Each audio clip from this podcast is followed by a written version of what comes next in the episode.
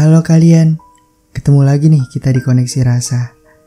By the way, gimana kabar kalian? Semoga kalian sehat semua ya. Dan buat kalian yang lagi kurang sehat, semoga cepat diberi kesembuhan ya. Uh, kayaknya cukup deh basa-basinya. Soalnya buat kali ini kita lagi mau ceritain tentang LDR nih. Oh iya, kalian udah tahu kan LDR itu apa? Ya kayaknya kalian semua udah tahu deh LDR itu apa. Tapi ya nggak ada salahnya juga.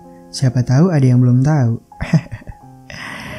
Jadi LDR itu long distance relationship. Hubungan yang dijalanin dengan jarak jauh.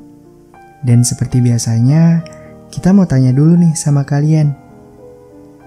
Kalian pernah nggak sih jalanin hubungan sama pasangan kalian yang di mana hubungan kalian itu dipisahin sama jarak? Ya kayak kalian semisal tinggal di Bogor dan pasangan kalian tinggal di Bali. Dan pastinya kalian jarang banget buat interaksi langsung sama pasangan kalian karena jarak itu. Sejujurnya, hubungan yang dijalani dengan LDR itu emang gak enak banget.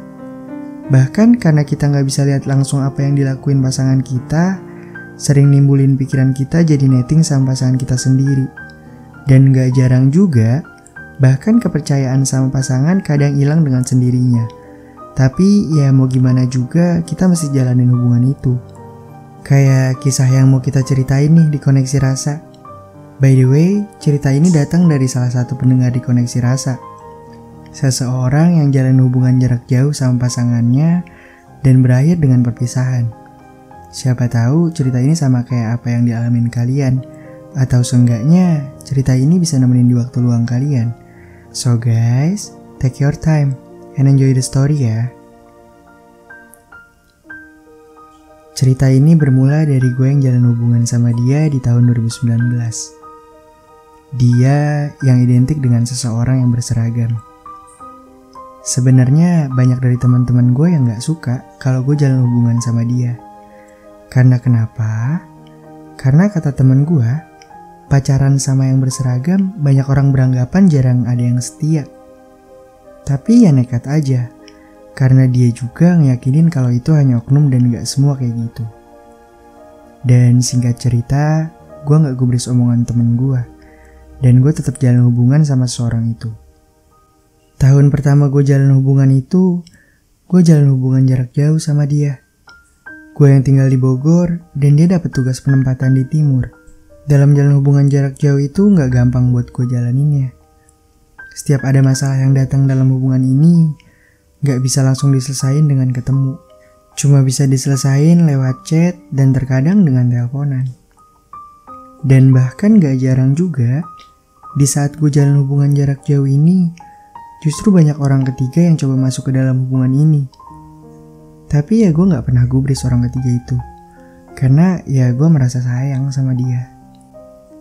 Dan saat gue jalan hubungan jarak jauh ini, kadang gue ketemu sama dia sebulan sekali.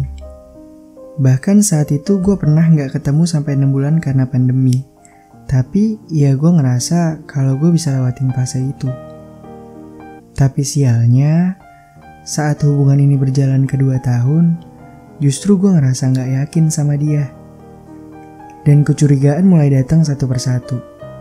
Entah dia yang biasanya selalu kabarin gue di sela kesibukan dia, berubah jadi dia yang jarang kasih kabar ke gue, yang biasanya care banget sama gue. Sekarang cuma sekedar peduli yang menurut gue itu cuma formalitas aja. Bahkan gue pun sampai mikir, apa dia punya seseorang juga di sana? Gue pun merasa bimbang karena kecurigaan itu semua. Tapi ya gue cuma bisa pasrah dan berusaha berpositif thinking. Mungkin logika gue bilang, lebay banget. Itu kan cuma kesibukan dia aja.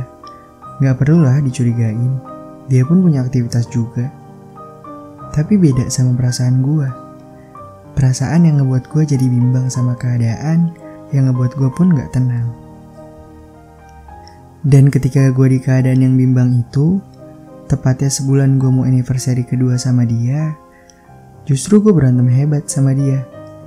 Dan tanpa gue sadarin, gue bilang putus ke dia. Dan dia gak mencegah sedikit pun justru hanya mengiyakan. Dan akhirnya gue putus sama dia. Tapi setelah satu hari putus, gue coba buat telepon dia. Gue coba minta buat perbaikin hubungan gue sama dia. Tapi sayangnya justru dia bilang lagi deket sama seseorang di sana dan mau sama seorang itu aja. Dan setelah tahu jawabannya, gue ngerasa kesal, ngerasa sedih, dan bahkan kecewa banget sama dia. Baru sehari putus, ternyata dia udah deket sama seorang di sana. Sampai saat itu gue berpikir bahwa sebaik-baiknya hubungan LDR, ya lebih baik jangan. Tapi seiring kesedihan itu gue rasain, gue ada momen yang ngebuat gue sadar. Pertama gue sadar, gue pun salah saat itu udah gampang bilang kata putus ke dia. Yang padahal seharusnya gue lebih menghargai hubungan, karena solusi dari permasalahan itu bukan perpisahan Apalagi di saat jalan hubungan LDR yang kita nggak tahu ketika kita ngomong something dan keadaan dia di sana kayak gimana. Kedua, gue pun sadar kalau hubungan di jalan LDR itu nggak mudah dan seharusnya gue nggak boleh overthinking sama pasangan sendiri. Karena hubungan LDR itu kunci pertamanya adalah kepercayaan satu sama lain.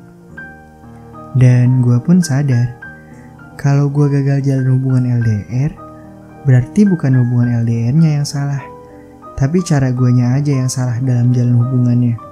Atau mungkin guanya juga salah dalam pilih pasangannya. Jadi, buat kalian nih yang mungkin lagi jalan hubungan LDR, kalian gak boleh overthinking ya sama pasangan kalian. Karena percaya satu sama lain itu kunci buat kalian jalan hubungan LDR. Dan kalian gak usah takut buat jalan hubungan LDR Toh ada juga kok orang yang berhasil jalan hubungan LDR. Dan yang pasti tetap semangat ya buat kalian. Kayaknya segitu dulu deh ceritanya. Makasih loh udah luangin waktunya buat mampir lagi ke konten kita di Koneksi Rasa. Semoga kita semua sukses selalu ya. Selamat berlanjut jalan aktivitasnya. See you.